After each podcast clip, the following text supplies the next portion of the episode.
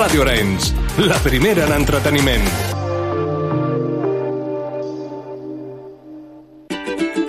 Descobreix la televisió com no l'has vist mai amb la caixa tonta. Lo que pasa es que yo he dicho lo que he dicho y lo demás lo han dicho los demás. Clarito y poco a poco. Eh, de toda la vida de Dios, un clavo saca otro clavo. Y esa es la noticia. ¡Qué gentuza, qué mierda! Me toca un becario hoy para hacer programa. No puede ser esto tú. Si tuvieras cojones a venir aquí y decírmelo a la cara, te escupía, cerdo. No sé si voy a volver a hablar en Operación Triunfo y tengo que decirlo. ¿No sabes si qué? No puedo, es que encima tenemos que aguantar que vengan y se meen. Vete a la mierda, sin vergüenza. Cada dimarts a partir de les 10 de la nit, Joan Bosch i Assumpta Vitoria et despullen la televisió i et desvetllen els seus trucs. Cada dimarts a la nit, la Caixa Tonta a Ràdio Arenys. La primera en entreteniment. Adiós. La Caixa Tonta, amb Joan Bosch i Assumpta Vitoria.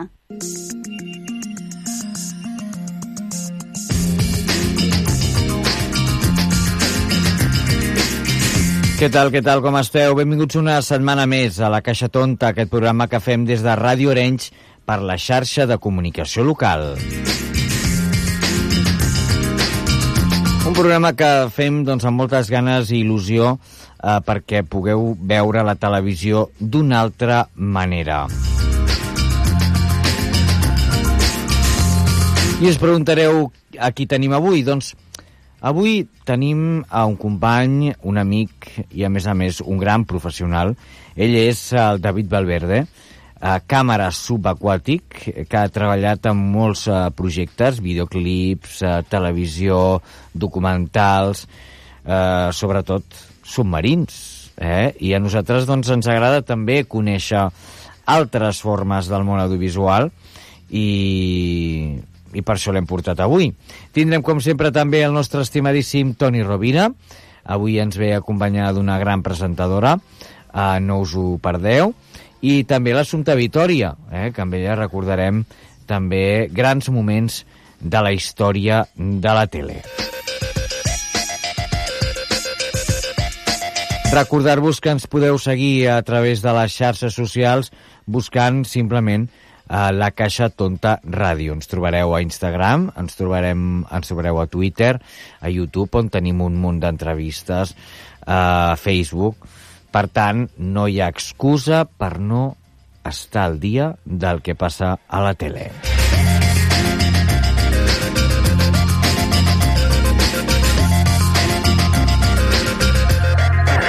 Dit això, nosaltres eh, comencem, comencem ja, perquè el tiempo apremia. Som-hi!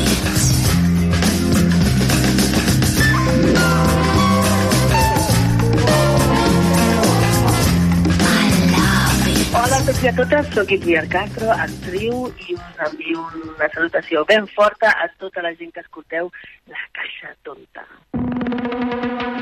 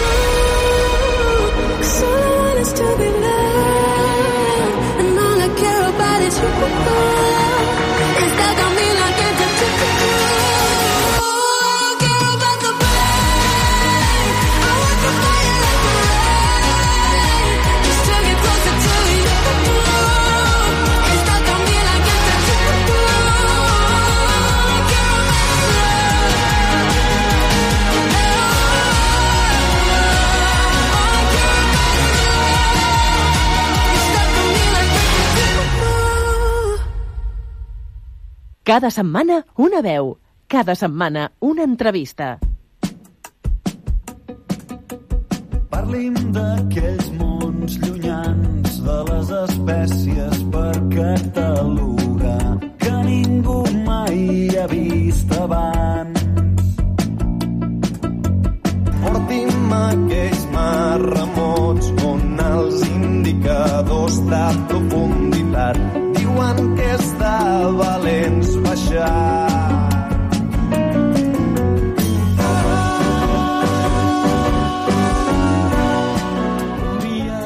Doncs avui tenim amb nosaltres uh, un bon amic, que és el David Valverde, uh, que doncs, el podeu trobar a través també de les uh, xarxes i a través d'internet.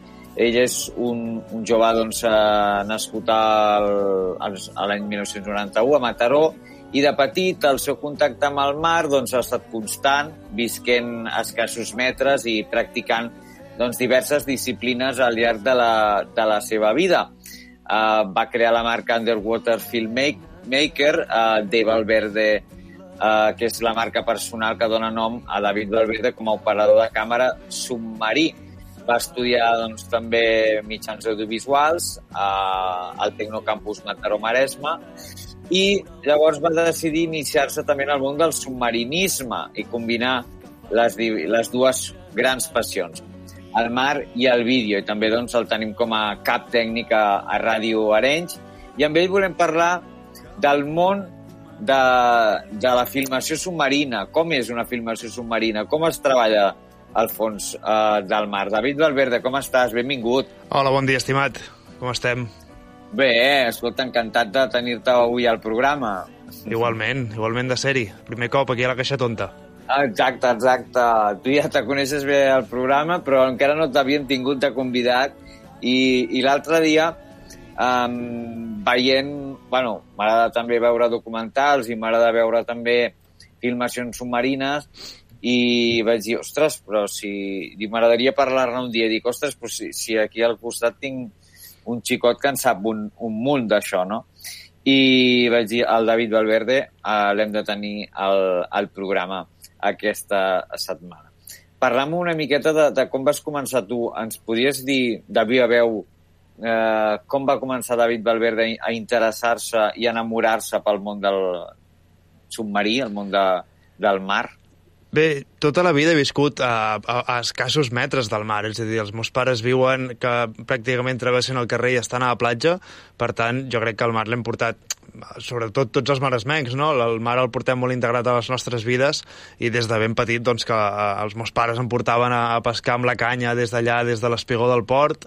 Eh, doncs vaig començar així, més endavant, amb el meu cosí i amb un amic que vaig conèixer, doncs, eh, anàvem a, a fer pesca submarina, no? Per tant, ja ens començàvem a endinsar eh, a dins l'aigua amb, amb un arpó, un fusell, el tratge de neoprè i de més, i anàvem, doncs, doncs a pescar, el, el que dèiem, a, a disparar quatre peixos, que llavors també era una mica inconscients i, i ara em poso les mans al cap una mica de, de les coses que fèiem però bueno, va ser una mica a l'inici, no? I ja quan vaig entrar a la universitat vaig, vaig conèixer el que seria el meu primer instructor, que a més a més eh, ara s'ha convertit en un bon amic i un dels millors càmeres submarins del món, i va ser ell, doncs, qui em va iniciar en el món del submarinisme. Va ser ell qui, qui d'alguna manera em va dir ai, soc instructor, vaig dir, ostres, doncs m'agradaria fer el curs de busseig.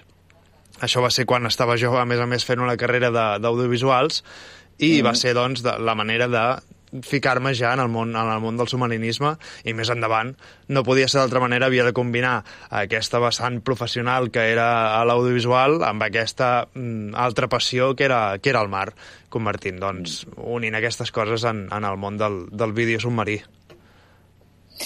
I no sé, no sé si quan la primera vegada que et vas submergir, què vas sentir? La primera vegada que et vas submergir a fer una immersió submarina, vas sentir por, vas sentir respecte, després la cosa lògicament et va agradar, però el primer dia, la primera vegada, com va ser?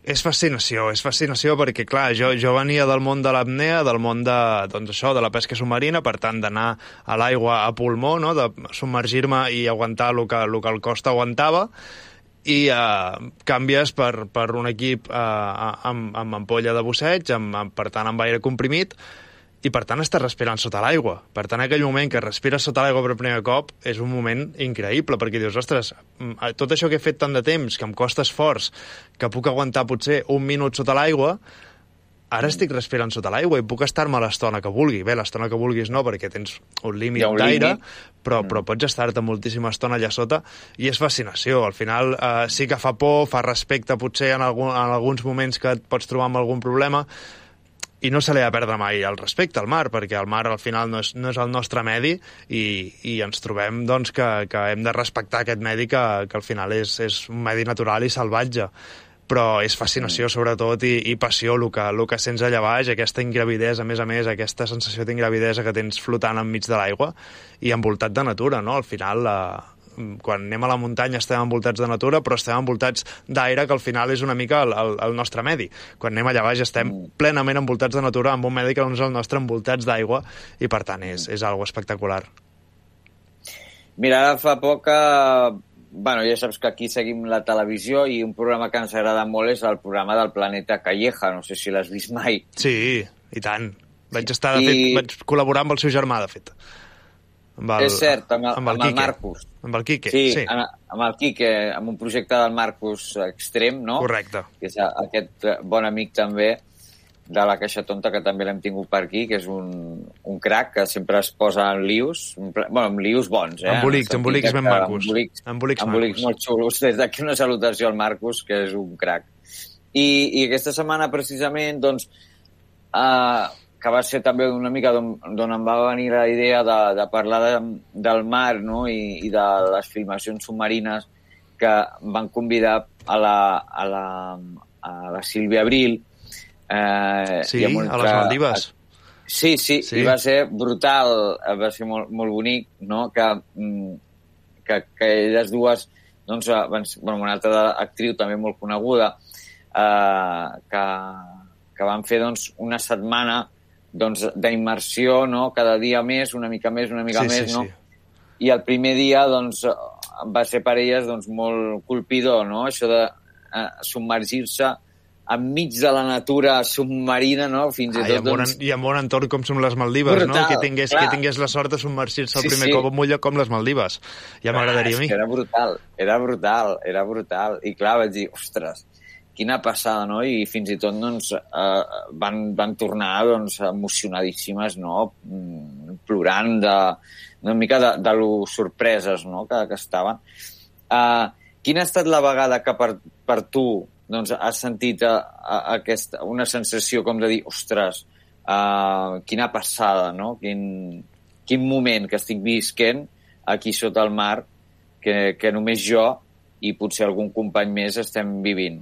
Te'n podria dir moltes i te'n podria dir moltes de molt diferents, perquè moltes vegades pensem en, en grans animals, no? com dofins, com balenes, eh, o pensem en, en peixos grans. Eh, Sí. Te'n podria dir de, de molt diferents que, que he gaudit amb, amb, amb animals que són eh, pràcticament fan mil·límetres.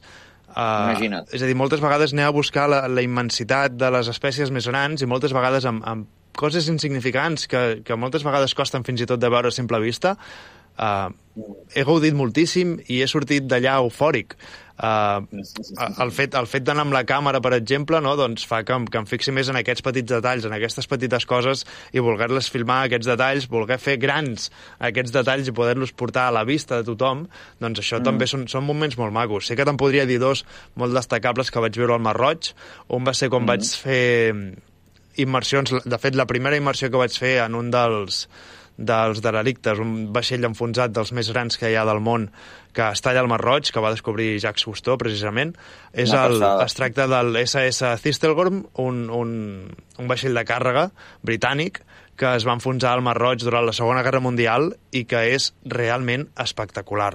A dintre encara hi ha les motos, hi ha els camions, hi ha, els, hi ha vagons de tren, eh, amb un entorn com és el Mar Roig, tropical, no ple de corall. Mm. Eh, vaig sortir d'allà, sincerament, cridant. Vaig sortir cridant, uau, quina passada que acabo de veure. Uh, clar, sota l'aigua no podia, vaig esperar a sortir No, de l'aigua. Va Sí, ser sí. algo espectacular. Un altre també al Maters Mar Roig, uh, una tarda que vam anar doncs, uh, a nedar amb dofins salvatges, salvatges en, en llibertat, no? Vam anar a buscar uh, a les zones allà on dormen el, en els, uh, a les zones de corall uh, i envoltats de, de desenes de dofins mentre nosaltres anàvem al seu voltant i els podia filmar també va ser un moment molt espectacular i que a més a més te n'adones de la immensitat d'aquests animals que són gairebé alguns fan el doble de nosaltres i pesen més del doble que nosaltres. Per tant, és molt espectacular. Però t'he de dir que el, el, jo crec que el moment més fascinant de la meva vida encara no ha arribat. Encara no ha arribat i encara l'espero. Està, està per arribar. Està per arribar, està per arribar. Uh, uh, tens algun, algun lloc o algun, alguna zona que diguis m'agradaria Molt, submergir-me molts, aquí? molts, molts. Vull dir, el món és molt gran i hi ha llocs eh, espectaculars per poder bussejar. En tinc un dependent que són les Filipines. És un viatge Mm. que tinc pendent des de fa un parell o tres d'anys, que amb tot aquest tema de la pandèmia s'ha anat endarrerint. Uh, I a les Filipines, de fet, uh, és un dels millors llocs per poder bussejar amb el tauró balena.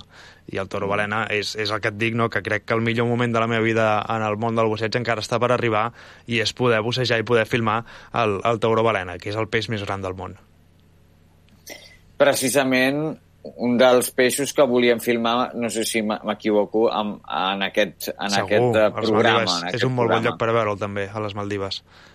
Van estar a punt però no ho van poder fer Vaja. i es van, van fer-ho amb, amb, amb rajades. Sí, rajades ja, que ja són grans, ja són grans. Sí, sí, que també són, un, són una passada, la veritat.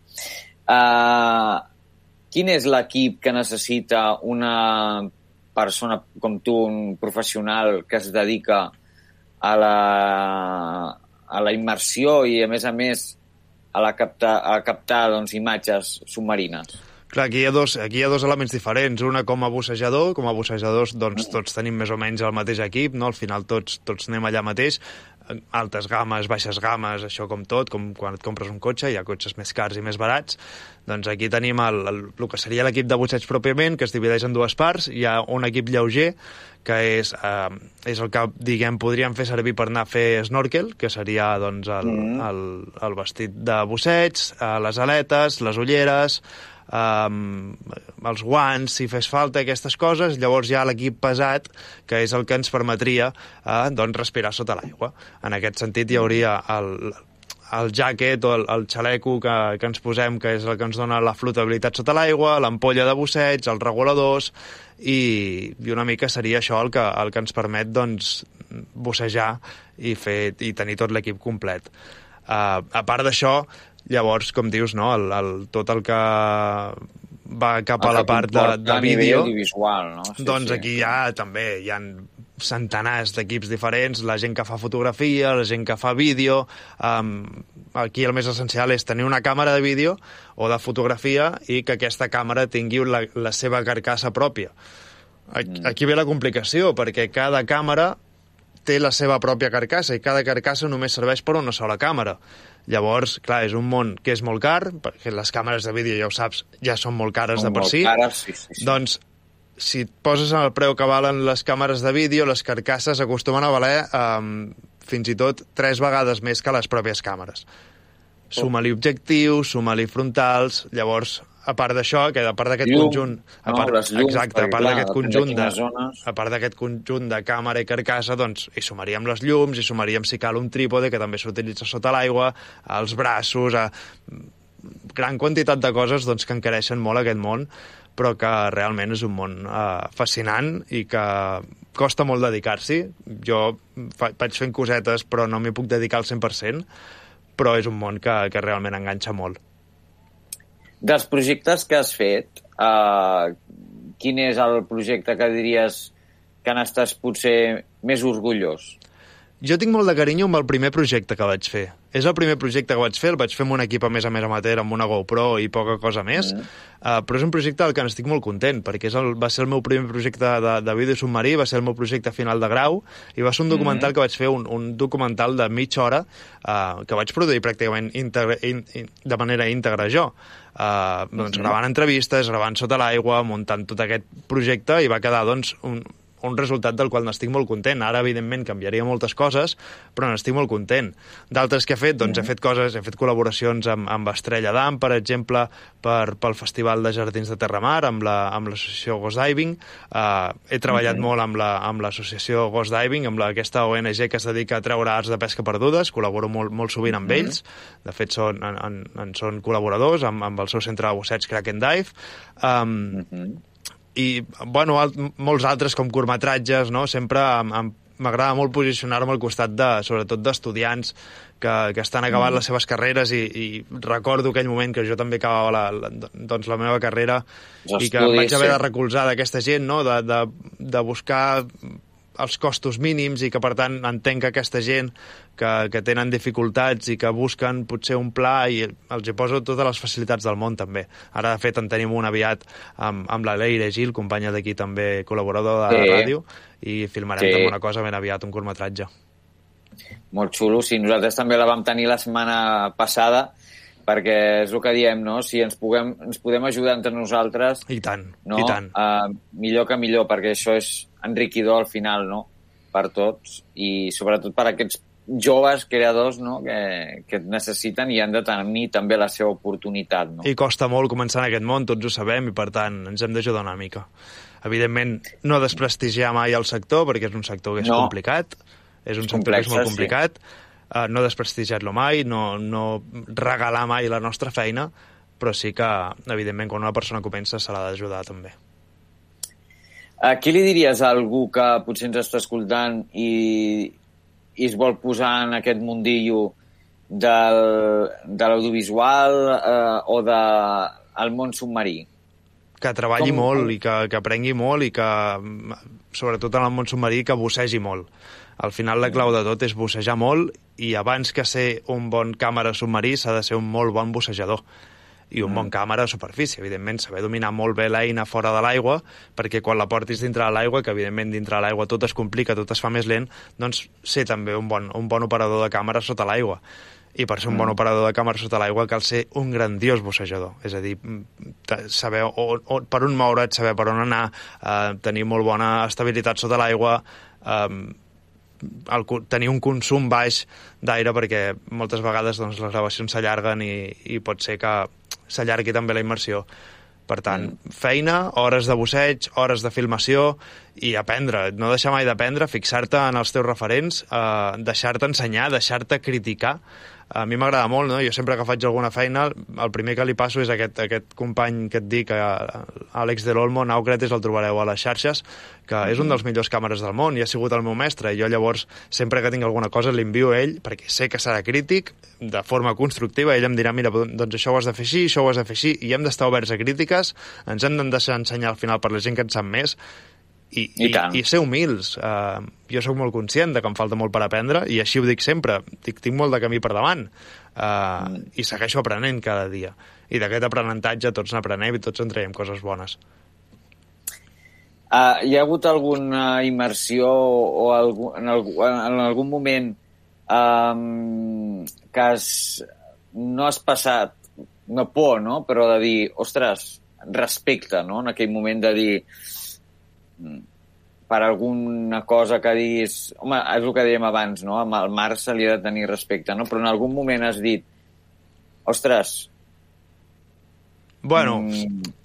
no tant en moments en què jo n'he sigut el responsable, que sí, que evidentment hi ha moments que et poses nerviós. No sé, per exemple, a Sant Feliu de Guíxols hi ha una, una zona de coves, que no són ben bé coves, que són uns túnels que entres i surts per l'altre costat mm -hmm. i veus en tot moment la sortida, però sí que algun cop allà havia entrat i havia ficat i vaig perdre el meu company que ja estava fora i jo doncs vaig desorientar un moment i no veia la sortida i res, agafes un moment de calma, saps que la sortida està allà, la busques i surts.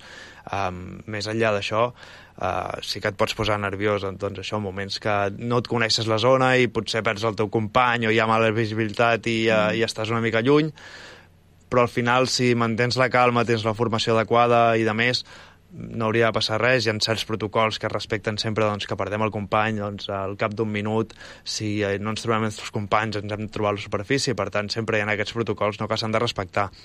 Sí que m'he trobat potser en moments més eh, a l'hora de ser jo instructor, no? en moments doncs, que he hagut de no de rescatar, però portar eh, d'alguna manera a, a la persona que m'acompanyava.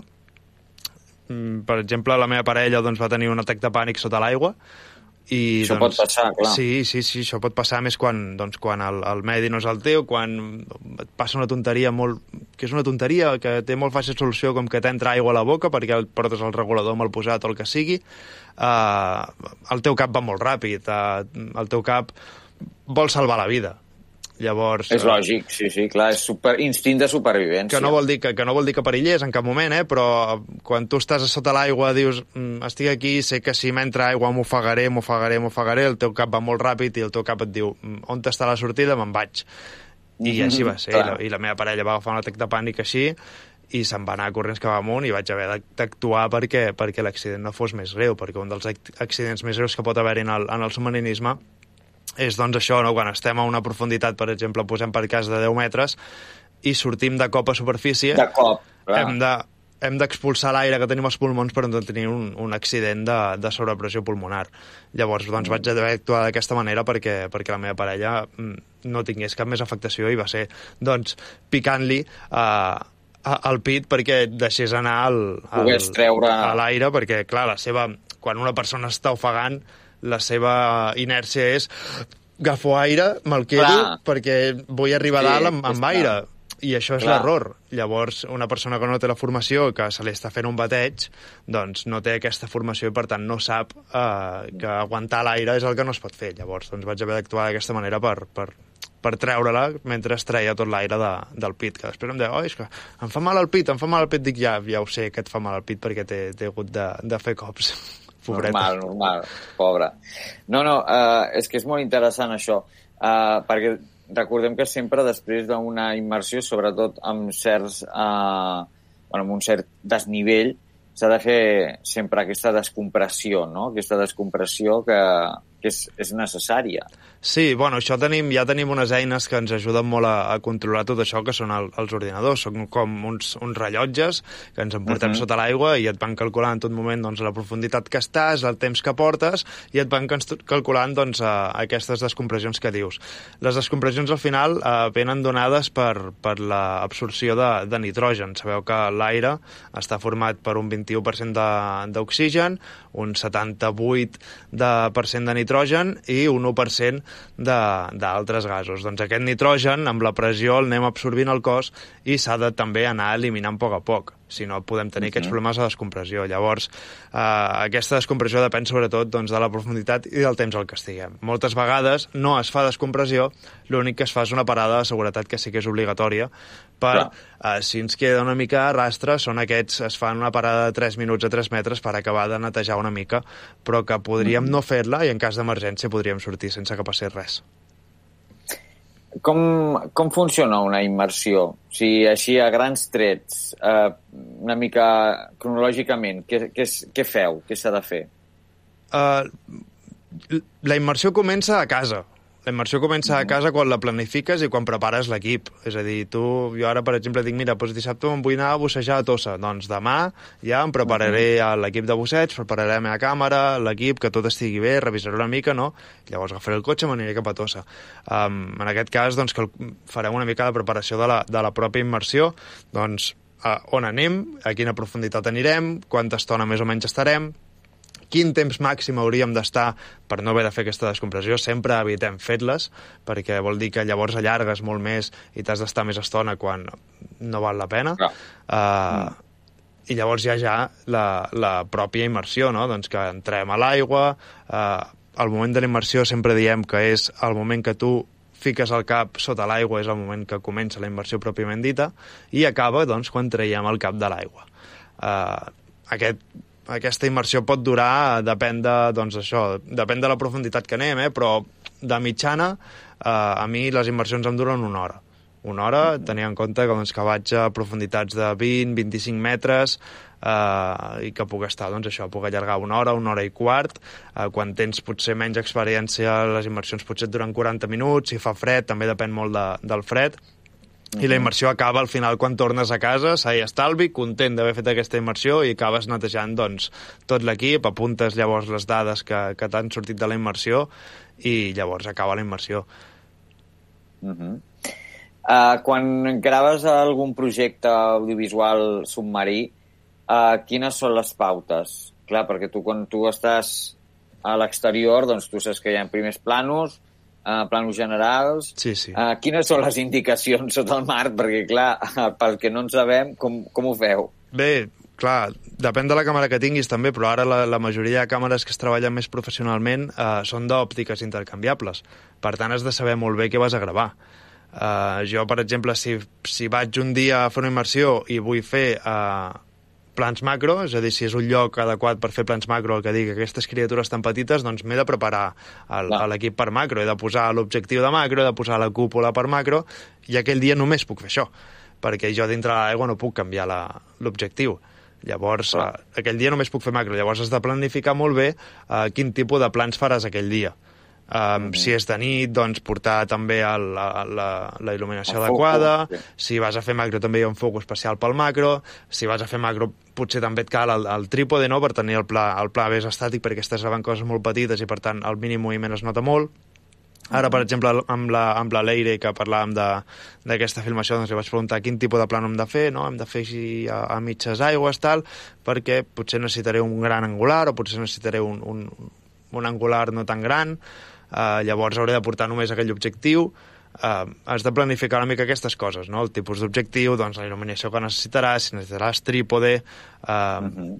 tot una mica aquestes coses. Les, evidentment cal saber a profunditats on treballaràs, quin tipus d'escena és, si has de seguir un, un, si has de seguir un actor o si has de mm, seguir un animal, tot això una mica el, el, és una mica el que has de saber abans de- d'anar a l'aigua, no? Has de planificar la, el tipus de filmació que necessites per preparar la càmera i l'equip per a aquella filmació concreta. Què prefereixes, nit o dia, submar a nivell submarí? Perquè suposo que has gravat en les dos, eh, en els dos moments, no? Sí. Del dia, què és el que... O, o, la, o, o el capvespre, no sé, no són, sé escenaris, són escenaris molt diferents. Jo quan... Perquè la llum pot ser molt xula, clar. Sí, jo acostumo a bussejar de dia sempre. Mm. Però les immersions nocturnes són molt espectaculars. I a més a més, Clar. la vida diurna de la vida nocturna també canvia molt. Que també canvia molt. El, el, durant el dia doncs, veus més... Uh, per entendre'ns, no? les morenes estan més al cau, estan més resguardades, els peixos estan més, més, més vius, més, més moguts, i en canvi a la nit doncs, pots veure espècies més com les sèpies, els calamars, Mhm. que surten més a la nit, les morenes surten dels caus, els pops també, que surten a caçar. Llavors és, és molt diferent. Jo ja et dic, jo treballo molt més de dia, acostumo a bussejar molt més de dia, però les immersions nocturnes també m'agraden molt. Déu-n'hi-do, és, és tot un món, això, eh? Sí que ho és, sí, és un altre món totalment diferent. És que és, és totalment diferent, no? Tu t'imagines, no? Doncs un documental, no? Jo sempre me'n recordo dels documentals que a mi em fascinaven, precisament per això començàvem amb, amb, amb aquest Messi Custó, no?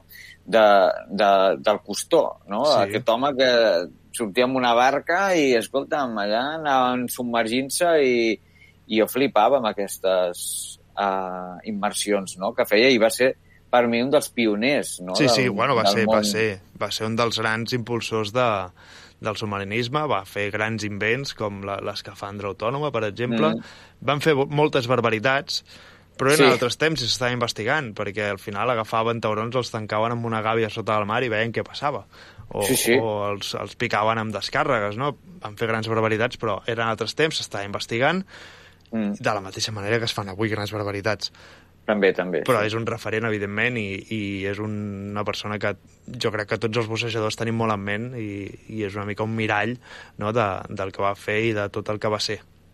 Uh -huh. uh, quina és, eh, diguem, l'espècie que, que, que potser és més complicada de, de localitzar o de filmar sota l'aigua? Bé, hi ha o de tot. potser t'hagis trobat, perquè jo t'he vist vídeos teus que després tornarem a recordar la web del David, que són aquestes aquests microbitxets sí. que són espectaculars. Sí, sí, dir, sí. Són, són minis, aquests que tu dius, no? que els pots, a través de les òptiques, eh, ampliar, no? I són Sí. realment molt curiosos. Bé, jo crec, jo crec que el més difícil és, és gravar la natura en general, perquè la natura al final és... No pots controlar-la, llavors No. estàs gravant un peix que dius el tinc, el tinc, el tinc, i de cop et fa bum, i se'n va. Adéu. Sí. Bé, no és fàcil, uh, s'ha d'aprendre també a controlar això, no? a moure't amb molta, amb molta sigilositat, amb molta tranquil·litat, perquè per no espantar els peixos, fins i tot les bombolles que, que fem els espanten.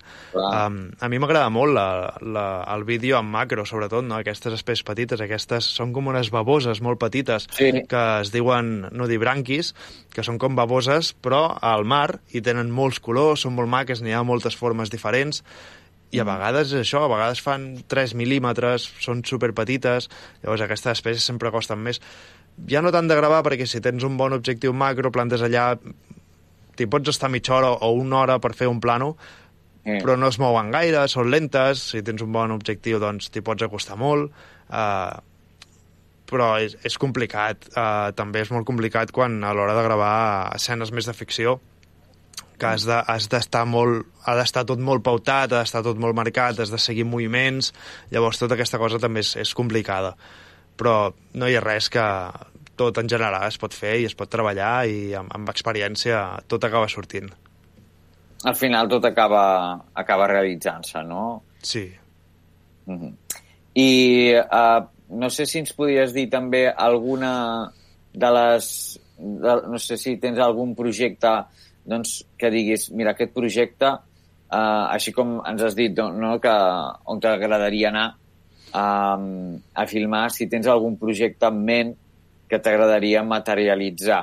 Personal, eh? Personal, Sí. de dir, ostres, m'agradaria uh, poder fer un documental sobre això o m'agradaria poder arribar a fer un projecte sobre un tema concret. Sí, sempre, jo sempre estic barrinant el cap i pensant a veure què puc, què puc fer al següent vídeo. Ara estic sobretot pensant en vídeos més de format curt, no? curtmetratges de 3-4 minutets eh, sobre Mm. temàtiques diferents i ara en tinc un concret que tinc el guió més o menys tancat i que m'agradaria doncs, poder-lo produir al llarg de tot aquest any perquè al final eh, tampoc puc bussejar tant, necessites moltes imatges, necessites moltes hores Sí. d'aigua i al llarg d'aquest any m'agradaria poder-lo realitzar i presentar-lo doncs, a diversos festivals que hi han de, de, de vídeo subaquàtic. És molt diferent el que, el que coneixem normalment de, de, de terra, no? de curtmetratges gravats a terra, perquè bueno, Mhm. són vídeos 100% de natura, que sí que poden tenir temàtiques que, que amb la veu on off doncs, juguen i fan cosetes, Sí. però, però són, és molt diferent, eh, és molt més tot de natura, tot molt més documental, i sí que intentem donar-li una mica d'història, i Mhm. estic una mica en això, no? en, en, en acabar aquests petits vídeos que tinc en ment i, i poder seguir amb, doncs, també amb el que em demanen una mica. Si hi ha gent que necessita filmacions de curtmetratges, eh, ara fa uns dies vaig estar amb els companys de, de l'Institut de Ciències del Mar amb una investigació que estan fent de gorgònies, també donant-los un cop de mà, amb els companys de Kraken Dive i Ghost Diving també de, de Tossa, doncs ajudant-los a, en les seves extraccions, filmant i, i veient tot el que fan. I una mica és tot el que anem fent.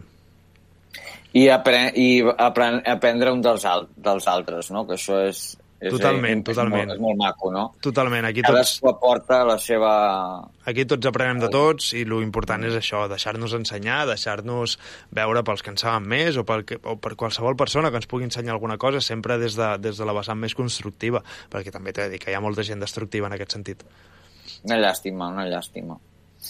Uh, doncs, David, uh, ha sigut un plaer tenir-te avui aquí al programa. Uh, recordeu que el podeu seguir uh, a la web, uh, www.d-valverdeb.com i allà trobareu un munt de projectes que ha fet, uh, tota la informació. Si algú vol contactar amb ell, doncs per, no? el David està obert a, a propostes, a projectes, eh, la, tota la gent que ens estigui escoltant a través de totes les emissores de la xarxa que emet la Caixa Tonta, doncs, escolta'm, no se sap mai, potser, jo què sé, diu, ostres, doncs em molaria fer un vídeo de submarí de, jo què sé, de, Bueno, del Delta de l'Ebre. I a vegades és, és una cosa tan concreta i, i tan complicada de trobar pels que no coneixen el sector Clar. que potser renuncien a aquest tipus de plans perquè no saben com fer-los. Doncs que sàpiguen que hi ha gent que es dedica a això Es dedica a això, clar. i, i gent, bueno, ho trobaran de tots els nivells. Jo em considero, eh, em considero novell, em considero una persona que està aprenent, Bueno, perdona, novell, però que fas coses guapíssimes, eh? Sí, però, però clar, ja m'entens, no em dedico a això, no em dedico a això i per tant jo segueixo aprenent i m'agrada dir que jo a cada immersió que faig aprenc coses noves. Uh, Sí. Llavors, doncs, hi ha, hi ha gent de tots els nivells, gent que treballa a nivell de cinema que et cobrarà 5.000 euros per jornada i gent com jo, doncs, que uh, treballem de, de forma no tan professional perquè no ens hi dediquem i que, la, doncs, Però el resultat és molt bo. Sí, cal evidentment, i- les imatges, les imatges que, per exemple, també podeu seguir a Instagram, el David, no? que és de Valverde B també, eh, com la web, el busqueu i podeu trobar imatges boníssimes. Vull dir que amb una nitidesa que, que ostres, sembla que estiguis al fons del mar. Sí, sí, Que no és és fàcil a brutal. vegades. A vegades tenir un, un, el mar Ah, que sí. està tot remogut i costa Sí, treure sí, imatges jo- bones, però fem el que podem. t'ho anava, a pre- t'ho anava a preguntar perquè dius, ostres, tens unes imatges que jo sempre quan les miro em quedo pues, meravellat de dir, ostres, quina nitidesa al fons marí amb, amb la de, a vegades, eh, pols, no?, que, que, que s'aixeca, no?, lògicament, quan et mous per, per el fons, no?, Sí, sí. lògicament, has de remoure la sorra, no?, i és, és, és brutal, és brutal, uh, realment espectacular i per la gent que, que no hi entenem poder veure aquestes meravelles del fons del mar és realment un regal, no?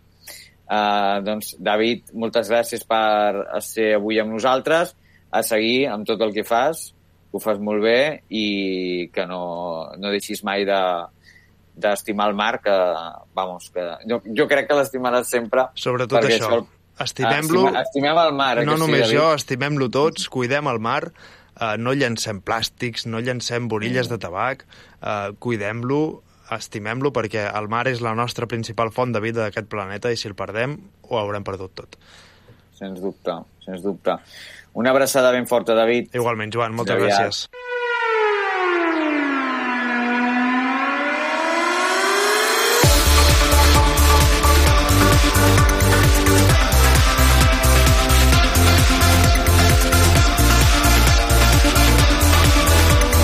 El racó de Toni Rovira.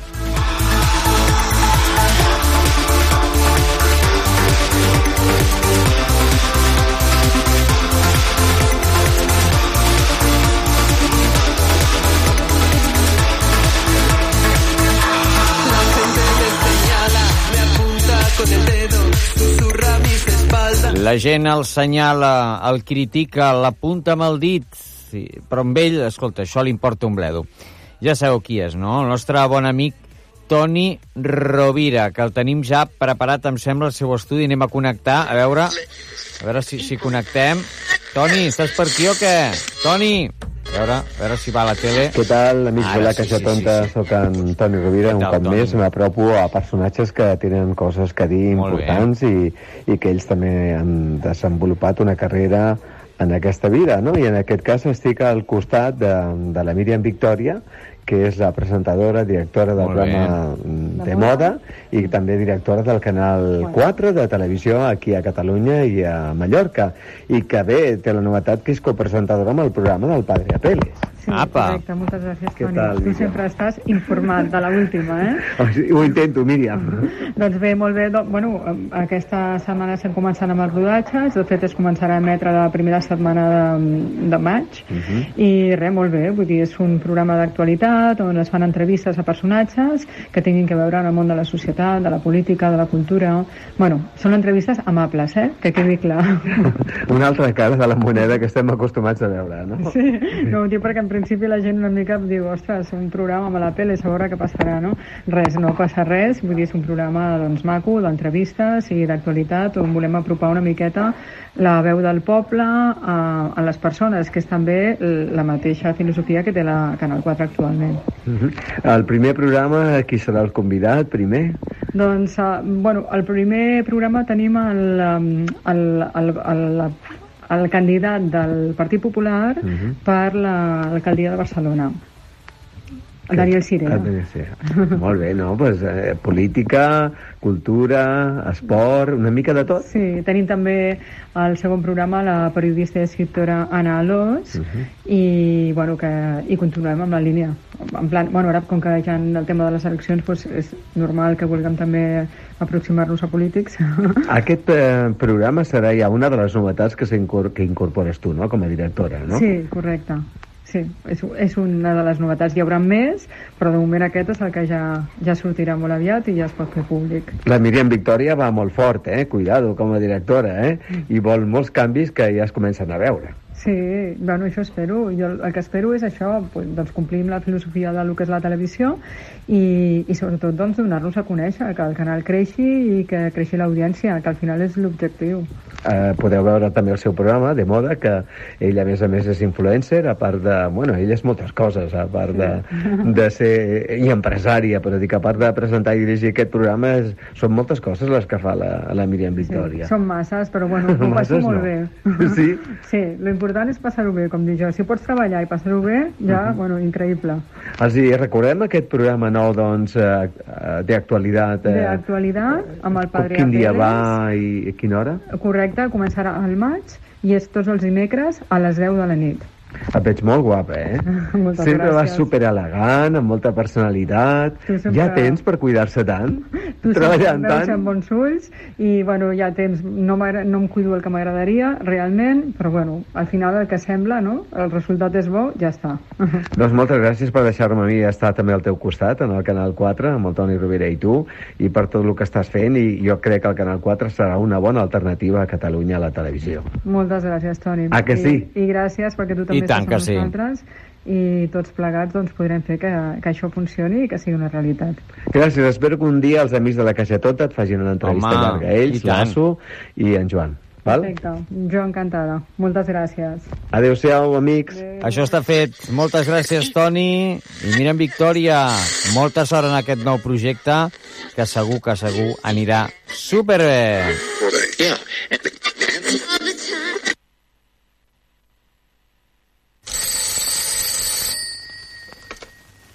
Sí, Víctor Merchan, sí. soy Maite, ¿Quién? tu mujer. Maite. Perdona que te llame tan temprano, pero ¿Te pasa algo grave? sí, bueno, no, pero necesito hablar contigo. Podríamos vernos. Claro que sí, mujer. ¿Cuándo? Lo que tardes en llegar. Pero Maite, si solo son las siete. Se trata de Pablo, de tu hijo. Saps que la tele abans era en blanc i negre? I que només hi havia un canal? La Caixa Tonta també té una història. La seva. Doncs avui comencem d'una forma diferent l'espai de la història de la tele i és que l'Assumpta Vitòria avui ens parlarà, entre d'altres coses, de la pel·lícula que estem escoltant de fons, com una Déu. Assumpta, eh, endavant, quan vulguis. Hola, Joan. Avui estava pensant a veure què posàvem i he trobat aquí Què has trobat? Què has trobat? una presentació de televisió espanyola d'aquelles que fèiem abans, les caretes que em deien, I tant. del 9, del 4, del 83. I en l'informatiu Miramar, que es feia al migdia, de dos a dos i mitja, i només hi havia aquesta tele, es parlava de cinema també. I això és una pel·lícula que em va agradar molt i era molt interessant i són unes persones que ja no hi són. I per això m'agradaria parlar d'aquesta pel·lícula. Molt bé. Per fer-los una mica, no sé, una mica de coixí. S'ha estrenat a Barcelona la pel·lícula Com una Déu. És el primer llargmetratge de Pere Vila, que és també autor del guió, i es tracta d'un film comercial que explica la història d'incomunicació i de conflictes generacionals. Els protagonistes de la pel·lícula són Mario Pardo i Fiorella Faltoiano, que són molt coneguts, i han intervingut també com a directors el gran Josep Maria Forn, també el Vigas Luna, i el més bonic de tot és que diu la cantant Marina Rossell hi ha prestat la seva col·laboració. Fixa't tu, la Marina sempre treballant en coses I tant, de cinema, sempre movent-se amb totes aquestes coses. Jo crec que podries posar una cançó de la Marina Rossell. I llavors aquí la careta aquesta diu aquestes imatges de la pel·lícula com una Déu ens acomiadem de l'informatiu Miramar de Televisió Espanyola d'avui fins la setmana que ve. Això és un trosset d'un informatiu de, de l'any 83. I també si volies posar una mica la Marina Rossell, que fa molt de temps que no l'escolto, i em faria molta il·lusió. I és una pel·lícula que, mira, que em va agradar molt, i es diu Com una Déu, d'en Pere Vila. Una abraçada, caixa tonta, adeu. Gràcies, Assumpta. Doncs els teus desitjos són ordres, Assumpta. Acabem la secció amb el Matec, aquesta versió que ens feia d'un tema molt conegut de Mustaki, Marina Rossell. I aquests meus ulls descolorits, verdosos blaus mig enfosquits, em faig mirall de tots aquells amb qui he sofert, amb qui he gaudit, perquè el meu cor no s'ha rendit ni penedit d'anar més lluny. D'on algú diu que ens aturem si no volem anar a l'infern, cosa que mai no m'he cregut. Amb aquest aire de matec, jueu errant, pastor grec, i els meus cabells els quatre dents. Vinc a trobar-te i a sentir com és d'immens aquest camí que encara tornaria a fer.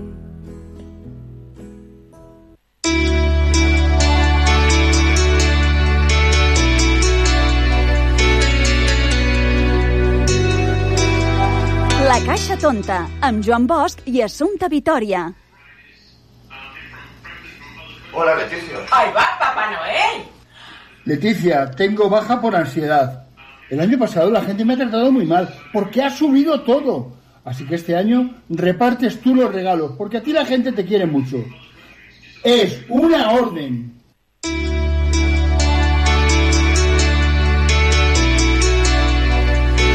Doncs nosaltres eh, avui marxem amb Letícia Sabater i el seu gran hit. Esta Navidad me comeré un pibón. Que molt aviat, doncs, com no la tindrem aquí al, al programa amb nosaltres. Gràcies per escoltar-nos de nou, gràcies a totes les emissores que ens feu confiança i res, com sempre diem, que sigueu molt i molt feliços. Last Christmas I gave you my eyes y cuando me desperté rompiste mi adiós. Esta Navidad me comeré a un pibón y no lloraré tu fucking love.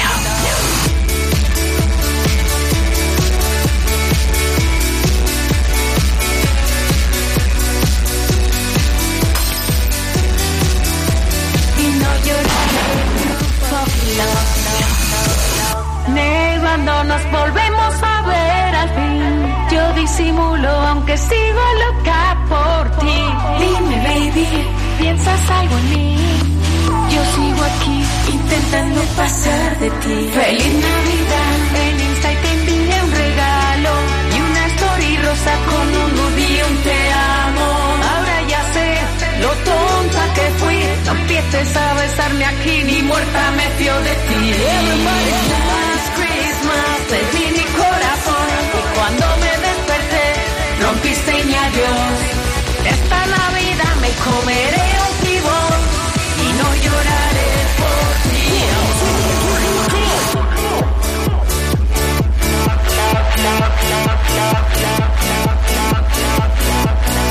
Esta Navidad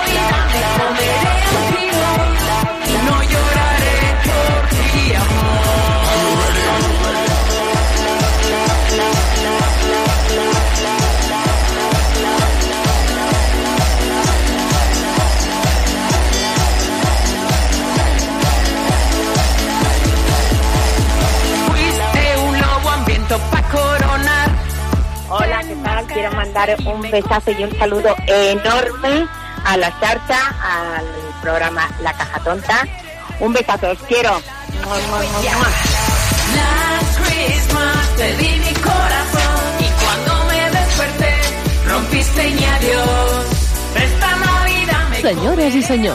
Mi y aquí la missió de La Caixa Tonta.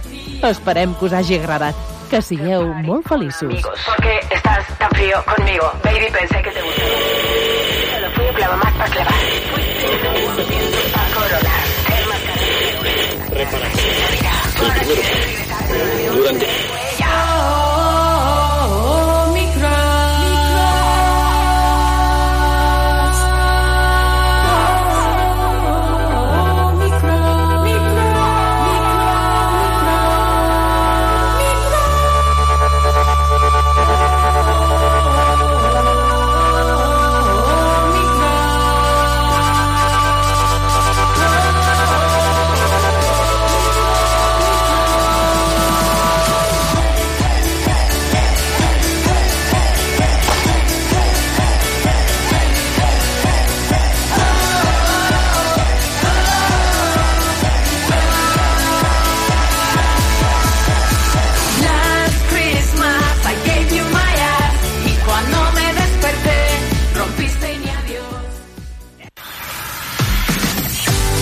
música a Radio Arenys. Radio Arenys. Reach out, touch space.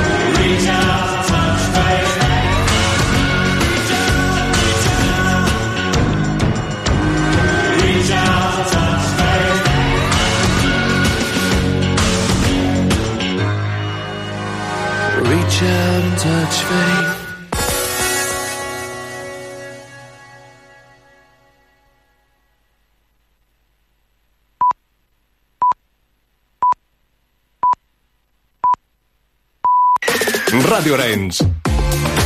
La primera en entreteniment.